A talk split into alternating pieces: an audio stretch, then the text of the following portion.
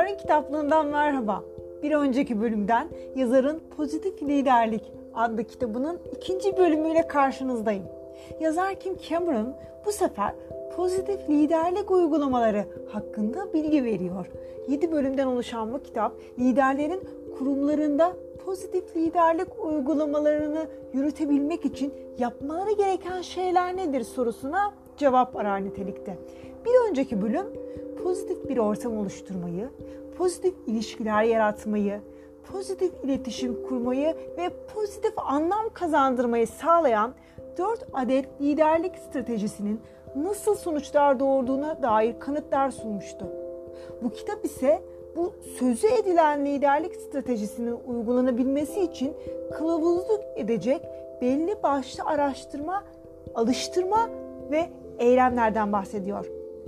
Bu kitap sayesinde şimdiye kadar hiç karşılaşmadığım bir kavram ile de tanıştım. Adı heliotropik.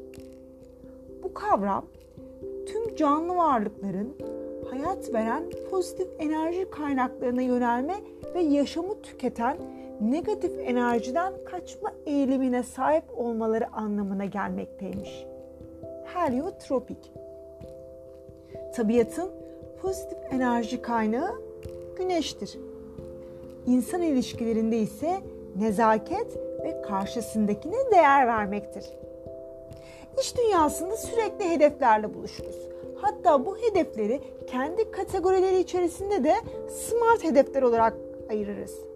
Burada yazar bir de bunun üzerine Everest hedefler belirlemek ve onlara ulaşmak ile ilgili farka değinmiş.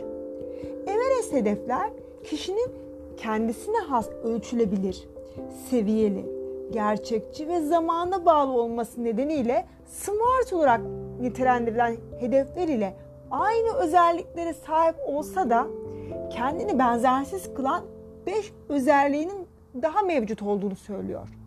1. Olağanüstü hatta erdemli bir performans sağlayan olumlu bir yaklaşıma ve kendilerine has değer yargılarına sahip olmak. 2. Uyumlu bir ortam oluşturmak. 3. Kişisel bir çıkar gözetmeksizin insanlara yardımlarda bulunmaya başlamak. 4. Fiziki enerji yaratmak. 5. Ve bunu kişisel ve kurumsal düzeyde muhafaza etmek. Everest hedefler eksikliklere değil fazlalıklara odaklanır. Sadece sorunların üstesinden gelmeyi ve başarılı olmayı hedeflemez. Normalin çok üstünde olağanüstü yüksek performans elde etmeyi hedefler ve böylece bereket kültürü oluşturur. Bu insancıldır. İnsanı ön plana alarak oluşturur. Yunan filozofu Aristo'nun iyi niyet sözüyle de özdeşleşir.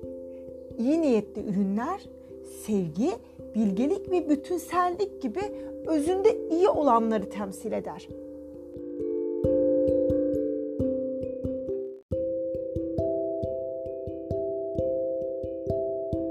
Yazar sözcüklerin önemini de bir örnekle anlatıyor. Üstün başarı elde eden liderlerin içinde başarısızlık sözcüğü barındırmayan özel bir dil geliştirdiklerini gözlemlemiş. Bunun yerine geçici yavaşlama, hatalı başlangıç, sıralama hatası, yanlışlık, sekleme, tökezleme, karışıklık, engel, hayal kırıklığı gibi tanımlar kullanmışlar.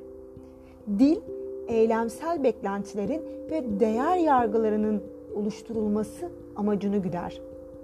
Kitapta çok fazla sayıda alıştırma var. 170 sayfalık ince bir kitap olmasına rağmen birçok sayıdaki alıştırma ile siz de pozitif liderlik uygulamaları ile ilgili kendinize ve kurumunuza birçok bilgi katabilirsiniz. Bahar'ın kitaplığı bu bölüm sona erdi. Bir sonraki bölümde görüşmek üzere. Hoşçakalın.